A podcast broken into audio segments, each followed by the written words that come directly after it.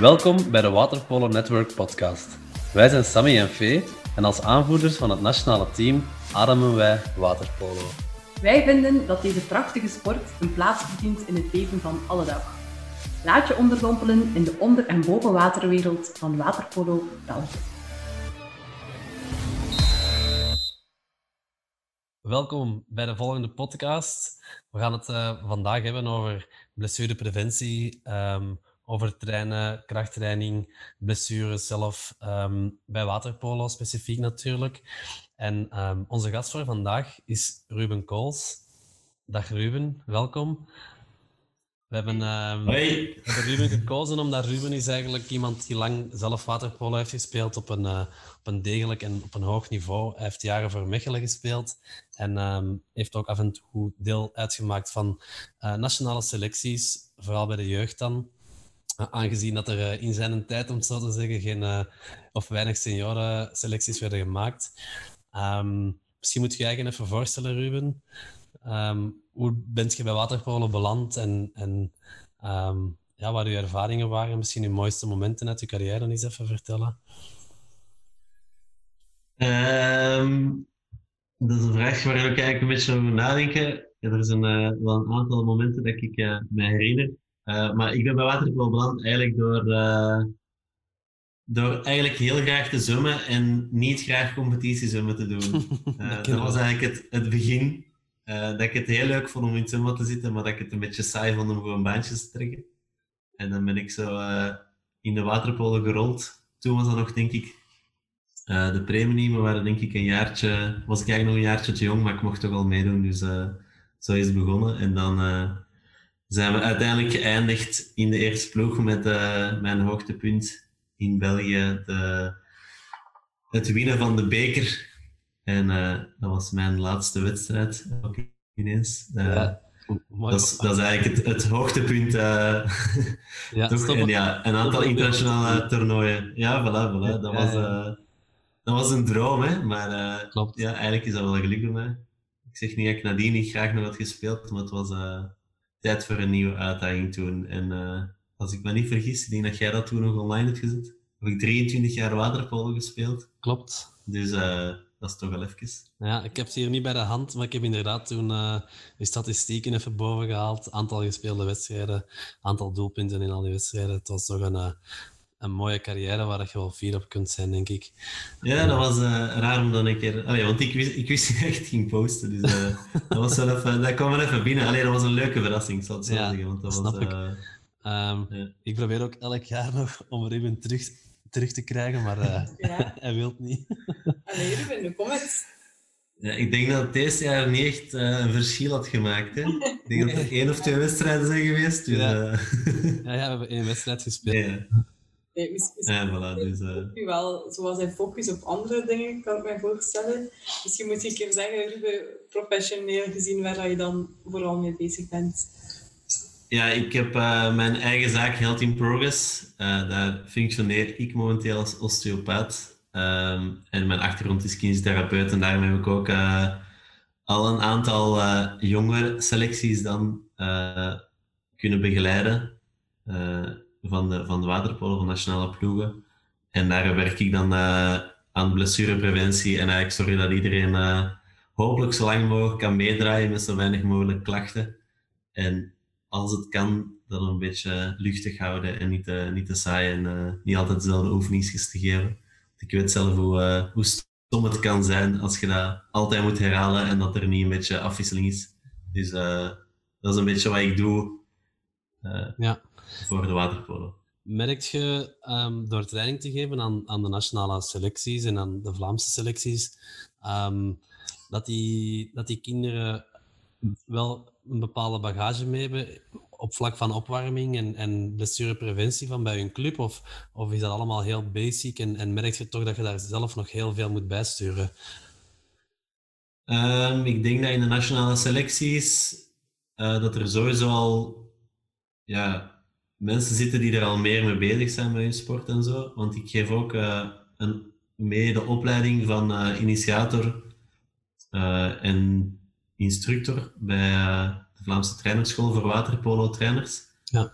En ja, daar merk je, daar zijn eigenlijk trainers van elk niveau. Ook gewoon mensen die een ouder die dan zegt ik wil training gaan geven en ik wil toch een beetje achtergrond hebben. Mhm. Dus dat verschil daar is wel heel groot. Eh, de, de, de mensen van de selectie zijn ja, er dag in dag uit mee bezig en zijn dan ook net dat tikkeltje meer gemotiveerd. En het is eigenlijk het idee om die gasten zo goed mogelijk te of, of meisjes zo goed mogelijk te begeleiden, zodat die dat dan op hun club ook gaan doen. Ehm, dus ik heb het gevoel daar altijd dat die heel gemotiveerd zijn. Hoeveel er dan effectief doorvloeit naar de club, dat kan ik niet inschatten. Uh, maar in de opleiding van de trainers dan merk ik dat de bagage eigenlijk helemaal niet zo groot is. Maar ook dat de mogelijkheden eigenlijk heel beperkt zijn. Heel veel hun eerste reacties, ja, maar wij mogen pas in het zwembad dan. Ja. Dus als we dan nog moeten gaan droogtrainen, ja, dan verliezen we zwembadtijd. Ja, ja. Dus dat is, ja, je hebt het ideaal scenario en je hebt ja, wat er kan gewoon. Dus uh, dat is een moeilijke. Ja. Allee, dat, is een, dat is per club anders, denk ik. Dus uh, En, dat, is, dat is niet gemakkelijk. wat, wat is zo'n beetje de ideale, de ideale situatie? Dat je zegt van, kijk, zoveel tijd moet er uitgerokken worden voor die droogtraining. Ehm, elke training, één keer in de week. Hoe ziet zo'n zo'n opbouw er een beetje uit? Ja, het hangt een beetje vanaf wat de, wat de, wat de insteek is. Hè. Als het gewoon is om blessurevrij te kunnen trainen, dan, dan ja, heb je een gedeelte in het water, maar daarvoor is er nog een gedeelte op de kant. Maar dat moet op zich niet zo lang zijn. En je kunt ook perfect eigenlijk op, op vijf minuutjes, laten we zeggen, een beetje je lichaam loswaaien, een beetje opwarmen. En dan een heel goed opgebouwde opwarming in het water kan veel doen.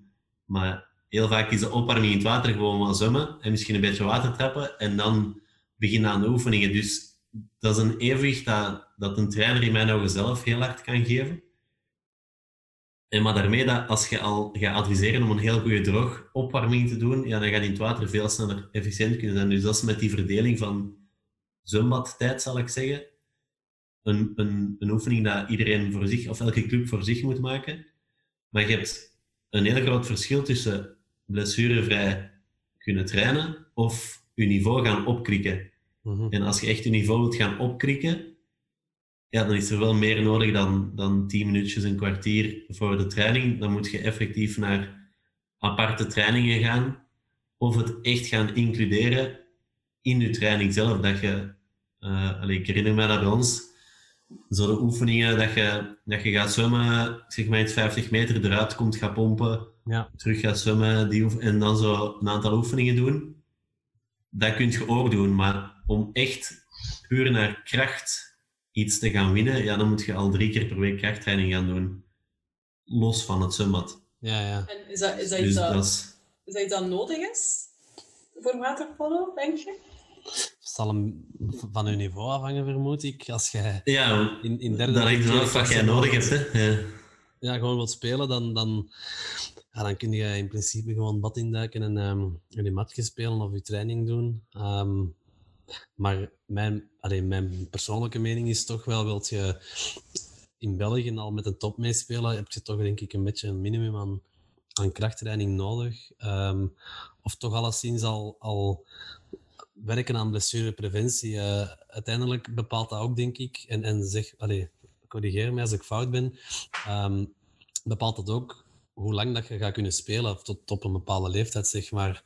Ehm, ik merk dat toch zelf bij mijn eigen heel hard, dat mijn opwarmingen tien jaar geleden eh, niet zo intensief en, en uitgerekt waren als dat die nu zijn. En ik merk ook wel dat ik dat nodig heb. Dus ehm, ja, het zal daar ook wel... eh, ja, ja, dat, klopt. hè. Je, hebt- je de jeugd, alleen een, een 12-jarige die aan de kant staat en met een bal begint te gooien. Dat gaat er niet motiveren of zo, of gaat er zeggen rustig, rustig, maar doe dat als je al iets ouder bent. En eh, het kan zijn dat je zegt dat je de eerste bal dat je gooit, ja, dat je zegt, ah fuck, mijn schouder doet ineens keihard pijn. En dat je eigenlijk je eigen blessure hebt eh, net veroorzaakt. ja, ja. Dus dat is, dat is, dat is zeker waar. Je lichaam, je lichaam ja, takelt eigenlijk al vanaf je 25 een klein beetje af.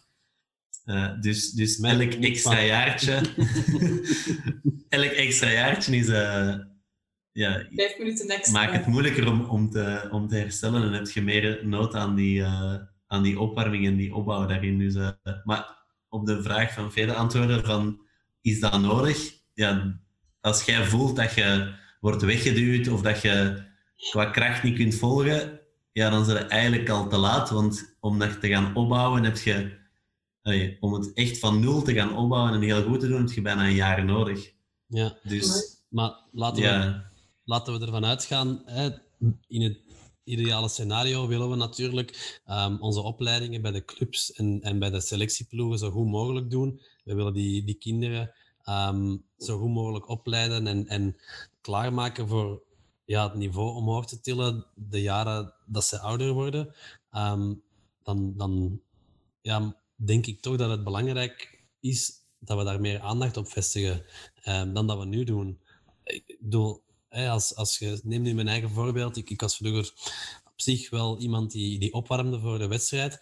Maar ik merk nu dat als ik dat niet doe, um, dat dat mij ja, wel, wel parten gaat spelen of restricties gaat opleveren. Um, of, of blessures gaat opleveren. En ja, ik denk als je dat erin kunt krijgen vanaf jonge leeftijd, dat dat belangrijk is, dat dat nodig is. En laten we ervan uitgaan, ik zeg het in het ideaal scenario, dat we um, naar de top willen groeien in, in, uh, qua waterpolo in Europa, ja, dan, dan denk ik dat het wel toch belangrijk is dat we daar heel veel aandacht op vestigen, zodat dat er ingebakken zit van, van, van op jonge leeftijd al.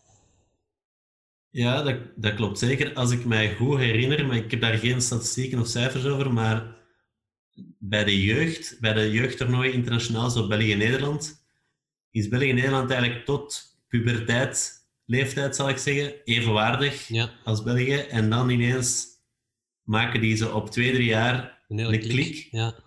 En, en dat zij ineens dan veel sterker en, en, en met kracht en, en blessurepreventie... Allee, ik vermoed dat dat er één is, want ja, ineens zijn die veel groter en straat. dus uh, ja, daar zit gewoon een verschil in. En als je op internationaal toernooi kijkt hoe, hoe dat die opwarmen, hoe, hoe geroutineerd dat dat is, ja. die, Allee, ik weet nog dat ik erbij was bij, bij Nationale Jeugdploeg, denk U17, denk ik. Mm denk het uh, en daar, daar was uh, Montenegro een van de tegenstanders. En die waren allemaal hun individueel schema gewoon aan het doen, vanaf een half uur voordat die in het water gingen. Terwijl alle Belgen dan ja, wachten op mijn instructies en allemaal hetzelfde deden. Ja. Wat al wel een begin is, maar ja, hoe meer dat je dat op u kunt gaan toespitsen van, ah ja, ik heb last van mijn schouder, ik ga iets meer focussen op de schouder. En, en hoe meer dat je daar van kind af aan mee bezig bent, hoe gemakkelijker dat is en hoe meer dat ook normaal wordt dat je dat doet. Ik vind, dat, dat, dat is nu bij... Ik vind dat zelfs een beetje intimiderend ook. Zo. Allee, ik meen, ja, tuurlijk. Die andere ploegen toekomen en die, die binnen zo kei professioneel gefocust en oefeningen te doen. Volgens mij is dat ook zelfs mentaal een goede voorbereiding ja, ja, ja. de wedstrijd. Uh, ja, ja, tuurlijk, sowieso.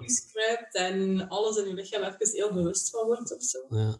Um, het is, ja, dat is, dat is uw, uw ding, het is uw moment, ja. uw voorbereiden op, op... Het is een teamsport, hè, maar het, het klaarmaken van is voor iedereen anders. De ene ja. luistert graag naar muziek, de andere is, is, is met zijn gedachten gewoon ergens bezig. Allee, dat, is, dat is ieder voor zich en dat is, ja. dat is heel moeilijk om dat in, in ook naar gewoon een keeper of, of een speler, dat is een andere soort opwarming eigenlijk ja, dat je mensen gaat doen. Dus hoe individueler, ja, hoe, hoe beter dat je je eigenlijk ja. kunt voorbereiden, hoe meer dat je kunt focussen op die zones dat voor je belangrijk zijn. Ja, het is, uh, het is grappig dat je zegt, um, hè, vanaf een bepaalde leeftijd, u 15, u 17, wordt er een klik gemaakt en tot op die leeftijd is het niveau eigenlijk redelijk e-, evenwaardig. Um, mm -hmm. Omdat wij dat in de vorige podcast daar zelf ook eigenlijk tot die conclusie al zijn gekomen. gekomen. En, en ja, het is, het is, eigenlijk allee, grappig niet, maar, maar dat zegt wel iets dat jij als zeg maar semi-buitenstaander ondertussen al een paar jaar uit het parcours, om zo te zeggen, ook diezelfde conclusie maakt. En dat, dat zegt mij toch dat er, ja, dat er wel opties zijn um, naar de toekomst toe. En, en dat, dat, dat, dat duidt eigenlijk heel precies aan vanaf wanneer dat het, of van waar, welke leeftijd dat het probleem um, zich begint te stellen qua, qua opleiding en qua trainingsintensiteit en arbeid. Um, dat, dat gezegd zijnde, ik vond, dat een, uh, ik vond het wel mooi om te zien dat, dat je tot dezelfde conclusie kwam.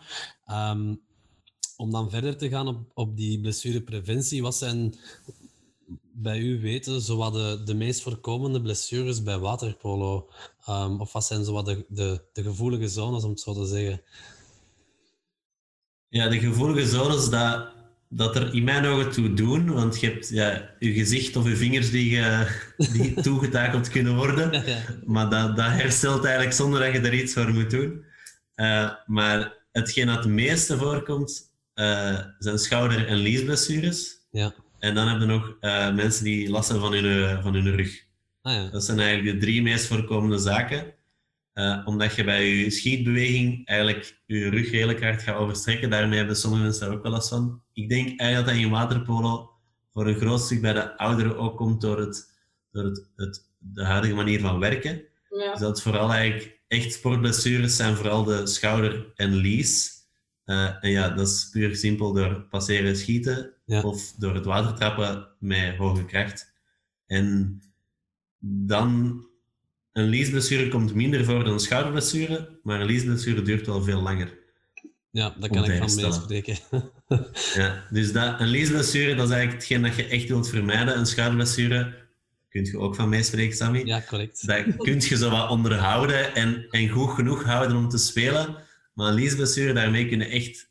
Ja, kan het echt gewoon zijn, eh deze seizoen speelde niet meer. Mhm. Ehm, dus, dus ja, dat wilde wel... eh, ik heb altijd een hekel gehad aan eh, trainers die direct zonder opwarmen water trappen met, met, met zware oefeningen of met een zware bal of, of weet ik veel wat.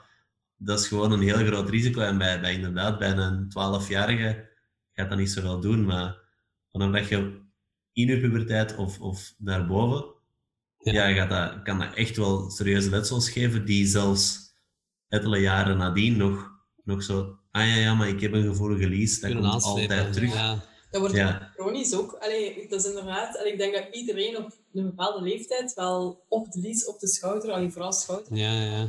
ehm, Ja. wat last krijgt. En het vervelende is dat je op het moment dat je er echt last van krijgt, dan zijn je plots heel gemotiveerd om je oefeningen te doen. Maar eigenlijk, Ja. ja. dan, dan is het een beetje te laat. Hè? En dan, zit je zo, dan blijf je daarmee sukkelen en dan wordt het echt zo een chronisch geval. Dus op dat, dat vlak denk ik inderdaad dat het super waardevol zou zijn, moesten we dat van jeugd al, al drinken kunnen pompen, dat het eigenlijk preventief veel Ja. beter eh aangepakt Dat is eigenlijk het belangrijkste, denk ja, ik. Hè? Ja. ik denk dat ook. Eh, Ja, gewoon die routine creëren. Hè. Wat blieft?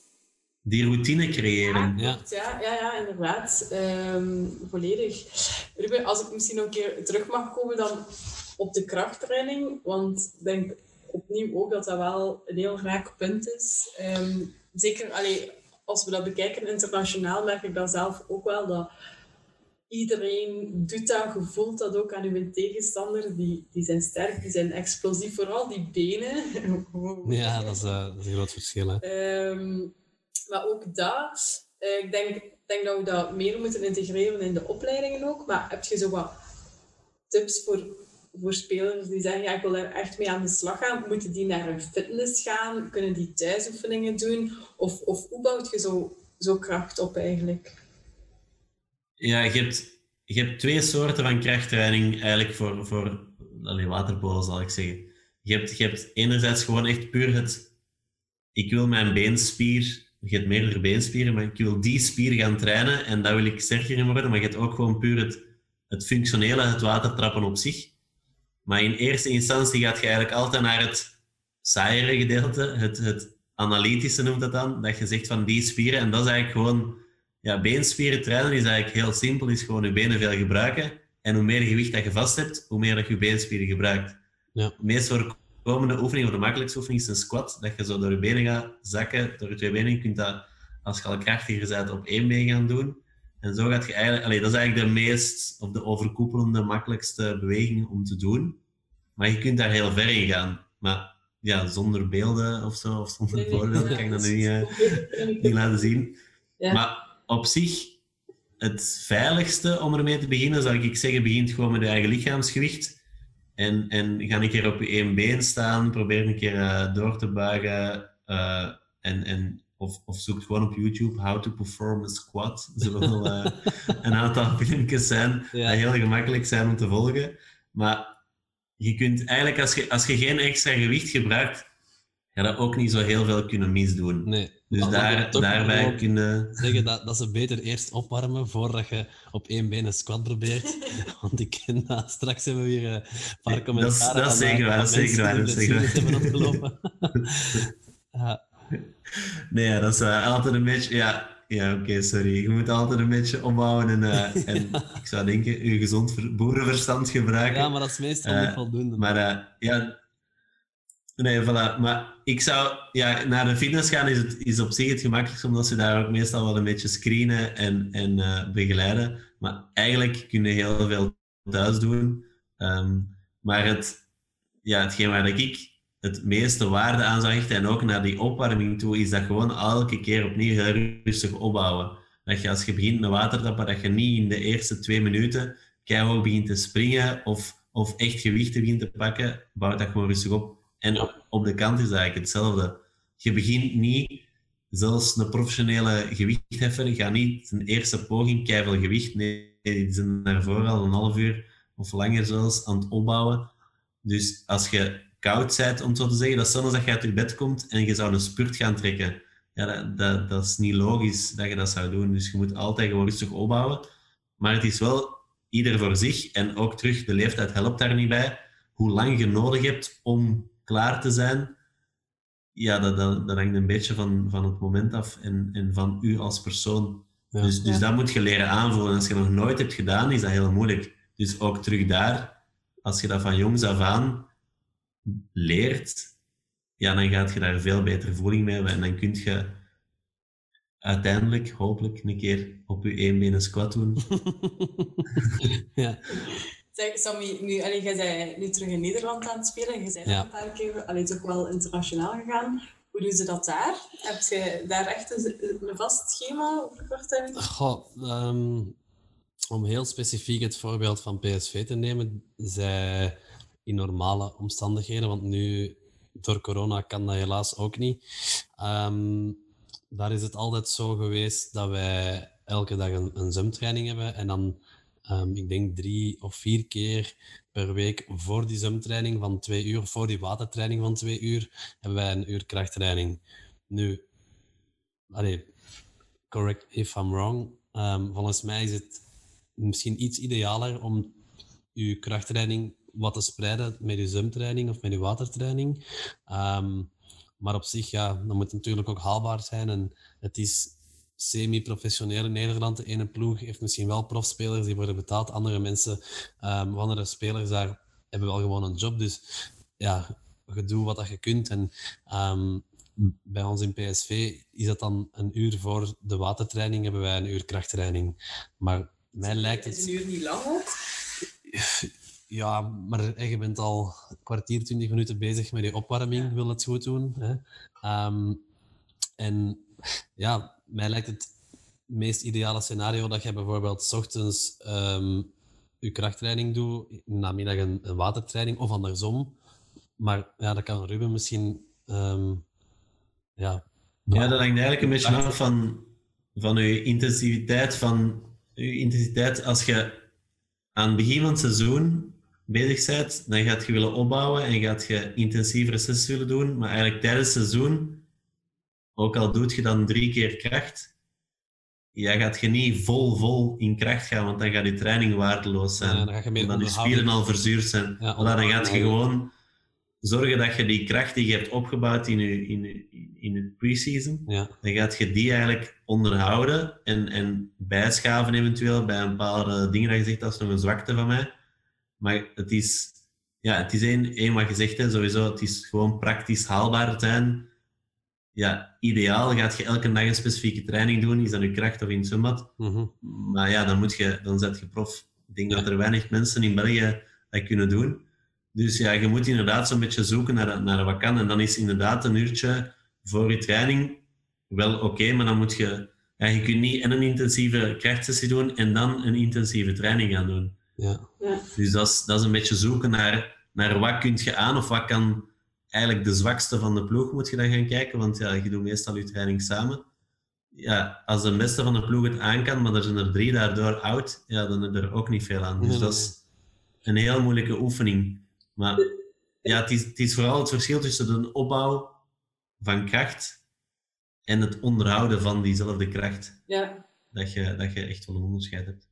En het is misschien nu een vrij technische vraag, maar heb je dan niet gevaar door krachttraining te doen dat je trager wordt? Omdat het is ook wel belangrijk, denk ik, in waterpolo dat je explosief blijft. Hoe kan je vermijden dat je door die krachttraining te doen niet traag gaat worden, maar dat, dat die snelheid in de spieren er toch in blijft zitten? Dat noemen ze functioneel trainen. En dat je niet... De bedoeling is niet dat... Krachttraining is super breed. Als iedereen denkt, krachttraining is een bodybuilder. Ja, nee, totaal niet. Je hebt, je hebt uh, de... Als je kijkt naar professionele atletiek, vrouwen of zo, die zijn de 100 meter spurt, die zijn super gespierd. Maar je gaat me niet zeggen dat die traag zijn. Dus die, die trainen... Je kunt kracht ook gaan trainen heel traag. Je kunt dat heel veel power gaan doen. Je kunt dat heel snel gaan doen. Dus krachttraining wil niet zeggen onder het meeste gewicht. Krachttraining wil zeggen, wat heb ik nodig in mijn sport en ik ga die beweging krachtiger doen. Ja. Als jij je, je shotbeweging gaat nabootsen, heel veel mensen doen dat met een elastiek. En zo gaan, gaan opwarmen en, en voor een beetje in de schouder op te warmen. Maar je kunt perfect exact die beweging ook gaan doen met een gewicht of met, met, een, met een pulley noemt dat dan. Dat je dat krachtig gaat opbouwen en dat je zo gaat trainen om je shot krachtiger te maken. Dat is dan als dat je dat in het water met een zwaardere bal zou doen of zo. Ja. Dat is ook krachttraining. Ik weet niet, allez, ik herinner me dat van vroeger dat, je, dat we aan het passeren waren met een zwaardere bal en dan nadien mogen we naar de goal gooien met een normale bal. Ja, dat lijkt dat je ziek hard kunt shotten ineens, Ja. omdat je gewoon... Je lichaam Ja. past zich gewoon aan. Voilà, dus dat is, het nadeel is, als je dan wilt gaan passen naar iemand, ja, dan gooi je eigenlijk veel te ver. Dus Ja. je mag dat niet vlak voor een wedstrijd, zou ik dat niet aanraden. Maar gewoon zo op training, zo die dingen, ja, dat kan echt wel een grote meerwaarde zijn. Ja. Dus het, het functioneel gebruiken van je kracht. Niet, eh je gaat je zeker niet vertragen. Ja, nee, nee, maar dat dacht ik wel. Maar ik wou wel even, denk ik, ook wel aantonen dat dat het wel belangrijk is dat, dat er iemand met kennis van zaken dat toch wel een beetje begeleidt. Want ik denk dat je er soms ook wel dingen mis mee kunt doen als je het niet op de juiste manier doet. Ja, wat ik ehm, in een andere podcast heb gezien, eh, was een podcast van Tony Azevedo. Ik weet niet dat die naam u iets zegt. Ehm, dat is een, Amerikaan, vijf keer naar de Olympische Spelen geweest ehm, met Team USA. En die eh, was aan het vertellen over zijn ervaring. Hij heeft lang in Italië en ehm, Kroatië gespeeld, denk ik. Ehm, en ehm, zijn coach liet hem, allee, kwam hem tegen in, in de fitness. En ze waren aan het fitnessen voor de training begon. Ehm, en die coach zei van, ehm zo gaan we dat niet meer doen. De volgende dag komt hij op training. En die coach heeft al de fitnesstoestellen naast het zwembad gezet. Dat is natuurlijk eh, aan de Middellandse Zee. Mooi zonnetje, ehm, heel veel luxe en ruimte daar. Dus hij had al die, die toestellen naast het zwembad gezet. En hij liet de spelers toen schietoefeningen doen.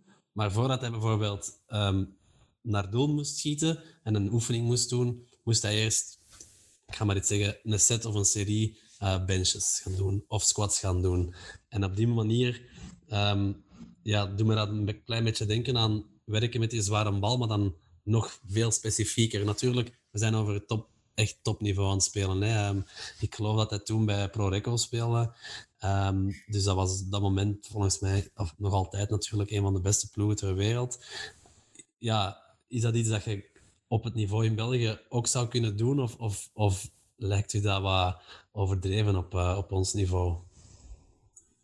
Maar ik denk niet dat het direct een meerwaarde gaat zijn om, om te gaan benchpressen voordat je schiet, omdat dat eigenlijk een, een andere beweging is. Nee, je trekt vanuit je borst. Maar, eh, Maar misschien ben ik nu de foute oefening mij even aan het voorstellen. Hè, maar laten we zeggen, het was, het was een, een oefening ehm, die functioneel was voor het schieten. Hè. Ehm, maar het was wel gewoon een fitness- en krachtoefening. Ehm, is dat... Ja, je kunt...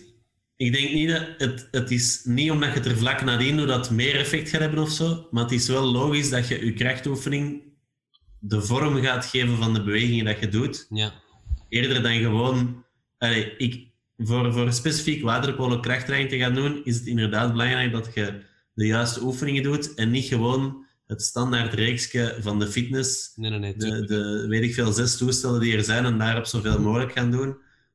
Wat dat wel heel veel mensen doen als ze naar de fitness gaan. Ja, Maar je kunt wel Allee, dat is nog altijd niet verkeerd, want je gaat altijd sterker worden, maar je wordt...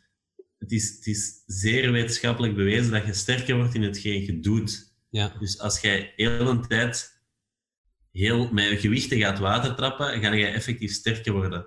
En je hebt eh, de, ik kan niet op het woord komen, dat het, dat het de overflow zal ik zeggen. Dus als je heel een tijd eh, je beenoefening gaat doen, gaat daar, allez, als je altijd gaat fietsen, ga dan niet sneller lopen daarom. Je gaat een beetje sneller lopen, maar je lopen gaat vooral beïnvloed worden door te lopen. Ah, ja. En dat is hetgeen dat je altijd moet weten, dat krachttraining is niet 100% overdraagbaar naar het water. Dat maakt het zo moeilijk in waterpolo. Maar als jij je benen algemeen gaat versterken, ja, gaat je wel meer kracht hebben om goed te kunnen gaan watertrappen en daar sterker in te worden. En Dus je moet altijd dat-. Ja. Voilà. Dus je moet dat altijd samen gaan bekijken. Want je hebt, je hebt, allez, ik heb letterlijk in de praktijk ooit een bodybuilder gehad die, weet ik veel, alleszins gigantische armen had. en ik heb die een oefening gegeven, die had pijn aan zijn schouder. Ik gaf die een oefening met 1 kilo, wat die- die mij ging uitleggen. Ik doe wel bodybuilding en die kreeg dat niet omhoog, omdat hem gewoon die, die type oefening nog nooit had gedaan. Ah, ja. Dus je, je wordt echt gewoon beter in exact wat je doet Ja. in krachttraining. Dus Ben- ja. Mis- Misschien moet je een, eh, een YouTube-kanaal starten. hè? Ja. Functionele training voor waterpolo-spelers. Ja, Dat is, Zo, eh, Zijn droogtraining thuis in en zijn krachttraining. Met de juiste spieren. Oké, dat is keigoed. Gaan jullie daar aan meewerken dan? Eh, kijk, we, we- we doen de podcast voor, voor onder andere. We eh, kunnen alleen maar praten. ja, nee, maar, maar het, is wel, het is wel een klein beetje wat, wat we willen bereiken natuurlijk. Dat er mensen ideeën en in- initiatieven, of ideeën krijgen en initiatieven gaan willen doen. ehm, door, door ons daar dan over te horen praten. Of, of ehm, dat is toch hetgeen dat we willen bereiken, dat we mensen willen inspireren op die manier. Ehm, dus ja, wie Er is weet. een, er is een app, ehm, Sammy, ehm, uit Amerika. Ja. Maggie Steffens. Ah ja, en, en Tony Azevedo. Ja. Eh, 6-8. 6-8 app. Ja, Ja, klopt. En ik denk dat er daar ook wel ehm Ja. zo functionele krachttrainingen op Klopt. staan, beetje. Eh, Ik denk dat hij nog niet helemaal op punt staat, maar eh, mensen die geïnteresseerd zijn, moeten maar eens opzoeken. 6-8 Sports. Dus dat is gewoon 6-8 Sports. En dat is een app dat door ehm, Maggie Steffens en Tony Azevedo is ontwikkeld. En ehm, die heel specifiek gericht is op waterpolo ehm, oefeningen van, van jong tot oud.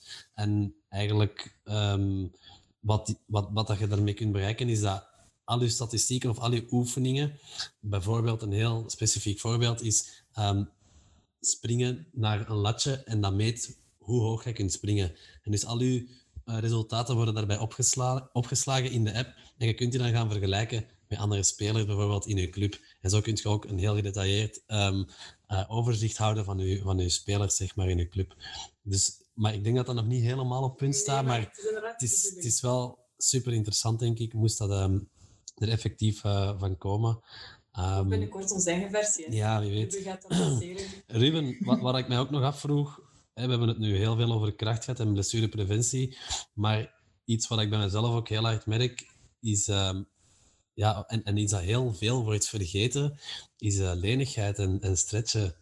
Ehm, volgens mij wordt dat ook heel zwaar onderschat of toch weinig aandacht aan besteed. En ik kan het beamen, als je ouder wordt, is dat wel iets dat, ja, dat ook heel belangrijk blijkt te zijn.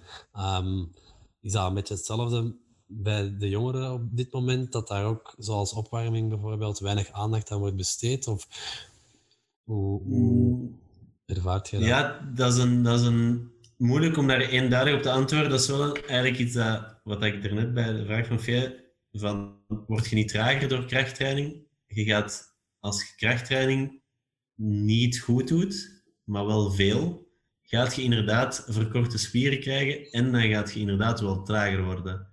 Dus dat is een hele belangrijke wel, dat ik nog niet gezegd had. Maar bij de jeugd zijn die meestal net heel lenig. En het is, het is dan ook terug, mogelijk is het verschil daar met Nederland, dat je eigenlijk in je puberteit gaat je eigenlijk groeien en je, je botten groeien sneller dan je spieren. Dus dat is een heel blessuregevoelige periode. Ja. Maar als je dan niet goed je spieren gebruikt of, of onderhoudt, zal ik zeggen, ja, dan, dan gaat je net die verkortingen krijgen. En het is dan dat stretching uh, belangrijk is. Het nadeel is dat dat heel individueel is. Niemand groeit op exact dezelfde manier. Dus, dus het is, daarmee dat ik zeg, in, in het buitenland heb je zoveel specifiekere opwarmingen of die doen individueler.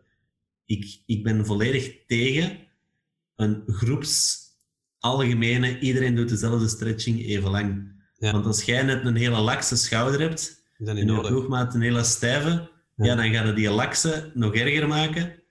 En die stijve gaat waarschijnlijk niet lang genoeg zijn stretching doen om, om, om resultaat te hebben. Het, het, is wel één belangrijk ding. Iedereen die stretcht, of heel veel mensen die stretchen, tellen tot 30. En het heeft eigenlijk geen zin als je onder de minuut blijft. Ah ja. Met stretching. Dat is om te weten. Oh, dat is, dat ja. Dus je spieren gaan, gaan pas effect hebben of zich willen aanpassen als je een minuut lang dat doet. Ja.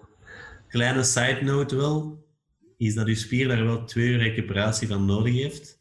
Dus, dus eigenlijk vlak voor een training lang gaan stretchen is niet zo dus het, interessant als je blessure Wanneer is het dan het beste moment na de training? Uh, eigenlijk twee uur voor en achter je training niet. Ah, ja. Omdat ook na je training, als je een intensieve training hebt gedaan, dan, dan zijn je spieren weer heel gevoelig. Dus als je daarop gaat stretchen, gaat je op die manier dan weer een blessure Ah, krijgen. ja. Eigenlijk is het ideaal als je s'avonds een training hebt, dat je in de voormiddag stretcht. Ah ja, oké. Of als je s ochtends een training hebt, dat je s'avonds stretcht. Ja, dat is toch iets dat je eigenlijk zo nog gemakkelijk tussendoor even kunt Ja, doen, ja. aan je bureau. of zo. Ehm, Ja. Ja, ik, ik, ik merk wel, nu dat je dat zegt, ik, ik heb de laatste maanden, ehm, of de laatste jaren, wel vaker zo de dag van een wedstrijd in de voormiddag al wat gestretched. En ik, ik had wel de indruk dat dat, dat, dat mij goed deed. Maar Ja? ik weet ook wel dat ik bijvoorbeeld nu nog vaak vlak voor wedstrijden ook aan het stretchen was. Dus eigenlijk is dat echt nefast voor je prestatie dan. Als je het langer dan een minuut Ja, doet, oké. maar dat doen er niet Dat heb ik veel. ook niet gedaan. Dus. Voilà. Nee, Alles dus dan kun je het eigenlijk eerder gaan zien als een opwarming. Ja. Dat het bij je opwarming is om, om alles een keer open te zetten. Dat is, dat is dan een beetje hetzelfde als loszwaaien, maar dan iets trager, zal ik zeggen. ja, ja. Dus op zich is dat... Je kunt ook wel, als je zegt van ja, mijn schouder die voelt echt stijf aan, is er niks mis om, om die goed te gaan, zo wat gaan oprekken en doen. Maar er is een heel groot verschil tussen zo een keer even tegen de muur gaan staan Echt stretchen. en een minuut lang echt zo gaan die, Ja, die ja. spanning gaan opbouwen. Ja. Dus, Want dus er- Ja. Ja. Deze, ik bedoel, kunt, er is altijd zo een, een, een ding geweest, een beetje rond stretchen van mag dat pijn doen, mag dat geen pijn doen? Ehm, nee, Dat mag geen pijn doen. Dat mag nooit pijn doen. Oké, dus, dus hè, als je een minuut wil stretchen, ja, na een halve minuut ga je al waarschijnlijk iets verder kunnen, kunnen reiken dan, dan die eerste 10 seconden. En blijf je dan druk bijzetten of, of ga je gewoon één houding nemen en, en daarbij aan vasthouden? Oeh.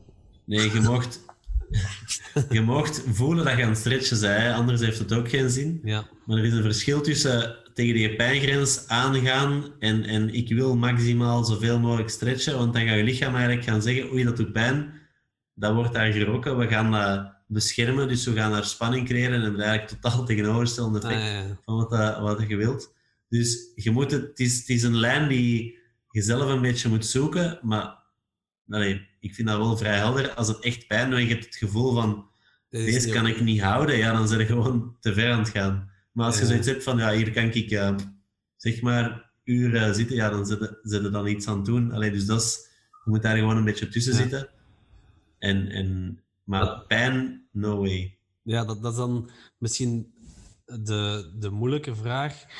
Hoe ga je bij jonge spelers bepalen wat voor welke speler nu belangrijk is? Welke spier gaat, gaat, gaat een die stretchen en welke krachttraining of, of specifieke functionele training voor kracht- en en blessurepreventie gaat een andere doen?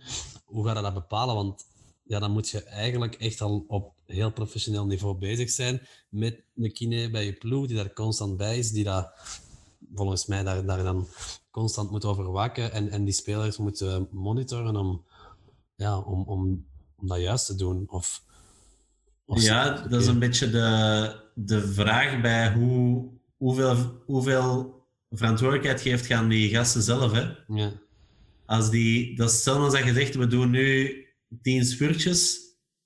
Ja, gaan ze allemaal echt spurten of gaat er een zich inhouden, dan moet dat, je kunt niet, zelfs al staan ernaast, en dan nog niet zeker dat ze het op de juiste plaats voelen. Dus dat is altijd een beetje... ik geloof wel heel hard in dat je een screeningsmomenten moet doen met bepaalde testjes. Ja. En dat je dan leert van, kijk, deze zou jij moeten doen. En dat je dan bijvoorbeeld voor een training zegt, kijk mannen, iedereen kent zijn eigen oefeningen. Je hebt nu 10 minuten, begin maar. En dat je dan rondloopt voor, ah zeg, wat was dat nu weer? Dat zij aan u iets kunnen vragen, maar niet dat jij het gaat opleggen naar hun toe. Maar ja, dat is een beetje discipline in de ploeg. Maar ook terug daar, hoe vroeger dat je mee begint, hoe meer het normaal is. En hoe makkelijker dat, dat wordt. Ja. ja, ik denk misschien ook wel zo'n belangrijke taak dan als, als trainer om veel vragen te stellen. Allee, of uh, de mensen zelf te leren voelen of nadenken als jonge speler. Dan, dan uiteindelijk, gelijk je zegt, elk lichaam, elk organisme eigenlijk, om zo te zeggen, is uniek. Hè? Dus ik denk dat, je, dat het heel belangrijk is om op jonge leeftijd echt te voelen van dat is mijn lichaam, dat is wat ik aan van, dat is er goed voor mij. En dat je dat, dat je dat door de juiste vragen te stellen triggert eigenlijk bij die mensen om daar ook zelf bewust van te zijn en, en mee om te gaan. Ik denk dat, dat er daar dan wel een belangrijke taak ligt. Dat ja. veel meer dan zo die eenrichtingscommunicatie. Uh, hier, we smijten het op een hoop en uh, doe maar. Denk ja, dat is, dat is bij de jeugd daar. Hè. De, laat ons het voor de puberteit, die, die hebben het denk ik niet zo heel hard nodig. Maar als je het gaat willen invoeren tijdens de puberteit, ja, dan gaat het bij pubers iets willen veranderen die nu al graag zeggen van hé, hey, kom, ja. niet onnozel. Dus eigenlijk, als het al gewoon zijn, tijdens hun puberteit dat je lichaam het eigenlijk het hardste gaat nodig hebben, omdat dan het meeste verandert. En als je daar dan kunt gaan zorgen dat ze toch een beetje bewust zijn van wat ze aan het doen zijn, dan denk ik dat je vertrokken bent voor, voor, voor alles wat nadien komt. Maar om het dan of nadien te gaan invoeren, ja, ik denk dat we het allemaal wel weten dat dat... Ja, het is momenteel nog een beetje nieuw, hè? Terwijl het eigenlijk totaal niet nieuw is. Maar uh, het is niet... Het, is, allee, het feit dat al die trainers zeggen, ja, bij onze club gaat dat niet, is tegen dat het er nu niet gebeurt. Ja, ja. klopt. Dus, dus er is zeker nog wel... Uh, nog wel serieus wat marge ja, over die testjes om, om verbetering te krijgen. Um, ik vermoed dat er zo'n soort algemene testjes bestaan waarschijnlijk, maar misschien is dat wel een idee om, om zoiets uit te werken, meer specifiek voor waterpolo, dat je kunt meegeven vanuit de federatie? Of hey, jij, hebt al bepaalde taken uitgevoerd voor de VZF en voor de nationale ploegen, dat ze ja, in samenwerking met u of met andere kines um, aan zo'n testjes werken en die meegeven bijvoorbeeld aan de clubs om te zeggen van kijk trainers, um, dit zijn standaard testjes dat je bij 12-jarige, 13-jarige, ik zeg maar iets kunt doen. Um, waarna, hè, als je de resultaten bekijkt, ga kunnen meer specifiek werken bij bepaalde kinderen op bij de ene benen, bij de andere lenigheid. Ik zeg maar iets. Is dat, is dat iets haalbaar, denk je? Uh, dat is eigenlijk het belangrijkste stukje van, de, van mijn deel van de opleiding voor trainers. Okay. Is dat ze zo'n aantal van die testjes leren interpreteren. Ja. En dat ze... Allee, de boodschap daar is eigenlijk, probeer zoveel mogelijk individueel te gaan werken, maar wel met een globaal idee er rond. En, en inderdaad zo'n test. Maar ja, dat is het. Om dat op papier aan iemand mee te geven, denk ik dat dat moeilijk wordt. Tenzij dat ze in de club dan een, een kine gaan inhuren of, of vragen om, om mee te komen kijken. Moet dat per se door een kine worden uitgevoerd en gecontroleerd? Ik bedoel, stel dat jij mij nu als um, vanuit de VZF of vanuit een federatie met tien van die testjes meegeeft. En ik ben een coach van, um, van, van een club gewoon, van Mechelen. Hè. En ik ga die testen, uh, ik ga die kinderen die testen laten doen. En ik noteer gewoon de resultaten. Ik zeg maar iets, hè. Die, moet, um, die moet een spreidstand doen. Ik ben nu, ik weet niet goed wat het is, ja. inhouden. Die moet een spreidstand doen. En met de ene is dat natuurlijk hè, keilenig, bij de andere totaal niet. Kan ik dat niet als coach daarmee verder gaan zelf. Moet dat per se een kine zijn? Want mij lijkt het ja, bij veel clubs onhaalbaar om de kine in te huren om die specifieke taken te gaan uitvoeren, zeker bij jeugdploegen. Maar als jij je coaches op een goede manier op, opleidt en die kunnen zelf dat soort testen gaan uitvoeren en de resultaten bijhouden en daarmee verder gaan, ja, lijkt me dat toch een hele grote um, moet ik het zeggen, een hele grote aanwinst voor, voor de opleidingen in, in ons land? Of, um, zeker, is dat, zeker. Is dat onhaalbaar, denkt Of moet dat echt een kine zijn? Die dat... Nee, dat is, dat is, ik zeg het, dat is de bedoeling van die, van die opleiding, omdat die dat, leren, dat de coaches het leren interpreteren. Ja. Maar het, ik, ik werk altijd eigenlijk volgens de... Oei. ik werk altijd volgens dezelfde manier eigenlijk een beetje. Dat, ze, dat ik het eerst gewoon laat doen en dat ze dan zelf, zonder dat ik eigenlijk uitleg geef, de fouten er moeten uithalen. En er, ik denk dat die cursus ondertussen al misschien tien jaar geven. Er, is, zijn meestal weinig fouten die eruit gehaald worden. Tot als je echt gaat zeggen van kijk, daar doet hij dat mis, daar doet hij dat mis, daar doet En op het einde van de cursus kunnen ze het allemaal wel. Ja, maar ik heb eerlijk Dus- gezegd nog geen enkele coach in België gezien die zich daarmee bezighoudt. Nee. Natuurlijk, ik, ik, ik weet ook niet wat ze in Kortrijk of in Moeskroen of ehm, in Eeklo doen, hè, de coaches. Ik, ik ben daar natuurlijk Nee, nee, dat is mee waar. Dat is bezig. waar. Ehm, maar mij lijkt het toch dat je een, een soort gestandaardiseerd, ehm, ja, moet ik zeggen, formulier of, document moest kunnen maken waarin, waarop dat alle coaches in België zich kunnen baseren. Ehm, zodat je, volgens mij wilt je toch zoveel mogelijk van onze opleidingen binnen de clubs, wil het niveau in het algemeen in België omhoog krijgen, wil je dat standaardiseren, wil ervoor zorgen dat iedereen op een bepaald minimumniveau gaat werken en telkens ehm, gaat verbeteren. Dus ja, waarom niet een aantal van die testen? Natuurlijk, je kunt heel specifiek gaan en heel uitgebreid. Nee, Maar je kunt, we, roeien met de riemen dat we hebben. Je kunt met, met de belangrijkste vijf of tien van die testen en van die oefeningen beginnen. Ehm, je leert inderdaad de coaches ehm, daarmee omgaan en ehm, dat te interpreteren op de juiste manier. En ik denk als je zoiets kunt bereiken, bijvoorbeeld vanuit de federaties naar de clubs toe, en de clubs gaan effectief daarmee aan de slag, ja, dan, dan gaan we allemaal weer een stapje naar boven, zeg maar.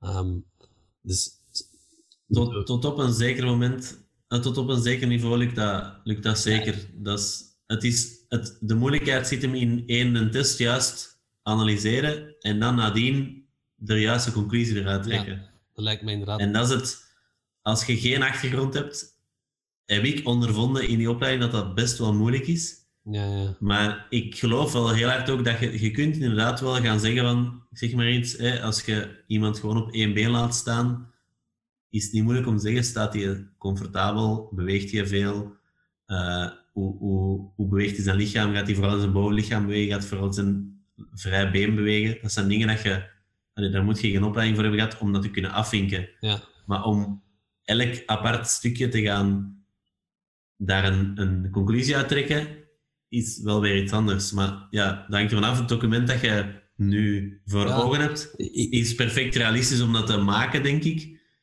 Maar het, je moet ja, van iets best wel complex het zo simplistisch mogelijk gaan voorstellen en ook je conclusies. En je gaat een deel missen.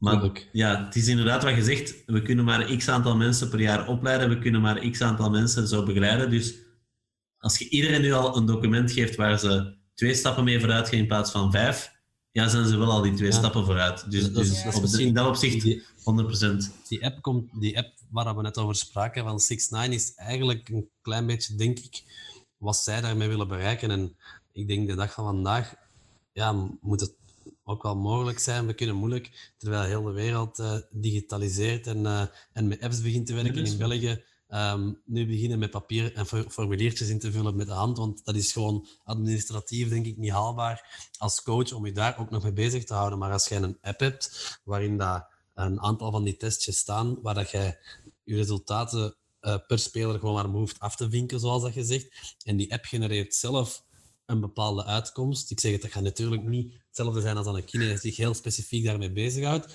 maar je zou kunnen wel al in een bepaalde richting beginnen werken en op, op basic zaken die, die gewoon voor waterpolo belangrijk zijn, ehm, ervoor zorgen dat, dat coaches de juiste richting uitgaan met hun spelers. Iets specifieker dan gewoon te zeggen tegen de hele groep: Oké, mannen, we gaan vandaag allemaal benen doen. Terwijl er een is die misschien keigoede benen heeft en meer moet werken op zijn, op zijn, op zijn schot of op zijn passing. Hè? Ehm, en ik denk als je dat kunt bereiken, ja, met middelen die al bestaan, zoals die, die een app van 6-8, dan kun je wel grote stappen zetten volgens mij. Ja, ik denk dat dat het belangrijkste is nu dat er in de eerste plaats al bewustzijn rond is. Want Ja. zoals dat je zegt, ik Ja, denk ja. dat er superveel trainers nog zijn allee, op opleidingen die nu gegeven worden, waar dat er totaal geen aandacht aan besteed wordt. Ehm, en dan de volgende stap is denk ik inderdaad iets super gebruiksvriendelijk aan kunnen bieden. ehm, dat we toch dat stapje hoger kunnen zetten. En voor heel specifieke professionele begeleiding, ja, dan, dan zal daar wel een specialist nodig zijn. Dat denk ik ook, ja. Ja, oké. Ja, ik denk dat we wel al een heel pakje wijzer zijn geworden op dat vlak. ja. Ik vond het zelf ook super interessant, om eerlijk te zijn. Dus eh, merci alleszins voor, eh, voor de deskundige uitleg, Ruben. Ruben, als, er, eh, als er mensen nog specifieke vragen hebben, kunnen ze, kunnen ze daarvoor bij u terecht of kunnen ze u contacteren? Eh, ze kunnen een mailtje sturen naar info.healthinprogress.be. Dat gaat het makkelijkste zijn. Oké, kijk hoe. Je kunt eh, Ruben trouwens ook volgen op Instagram en Facebook. Ehm, we gaan uw link er ook al eh, bij zetten bij de podcast. En dan ehm, kunnen mensen u altijd terugvinden. Hè? En als je toch niet goed genoeg je oefeningen hebt gedaan, je bent geblesseerd, dan kun je ook bij hem terecht. Ja, Dan je goed behandelen. Ja, dat klopt. Met veel plezier. oké. Mhm. Kijk hoe. Ehm, merci. Tof om je eh, ook nog eens terug te zien. En als je goesting hebt, je bent nog altijd welkom volgend seizoen. Ik kom zeker wel eens kijken, Sam. Oké, dat is goed. Merci Ruben voor uw input. Yes, alright. Zal leuk zijn, merci. Bye bye. Doei doei. Yo. Alright. Check. Kijk hoe, hè? Yes.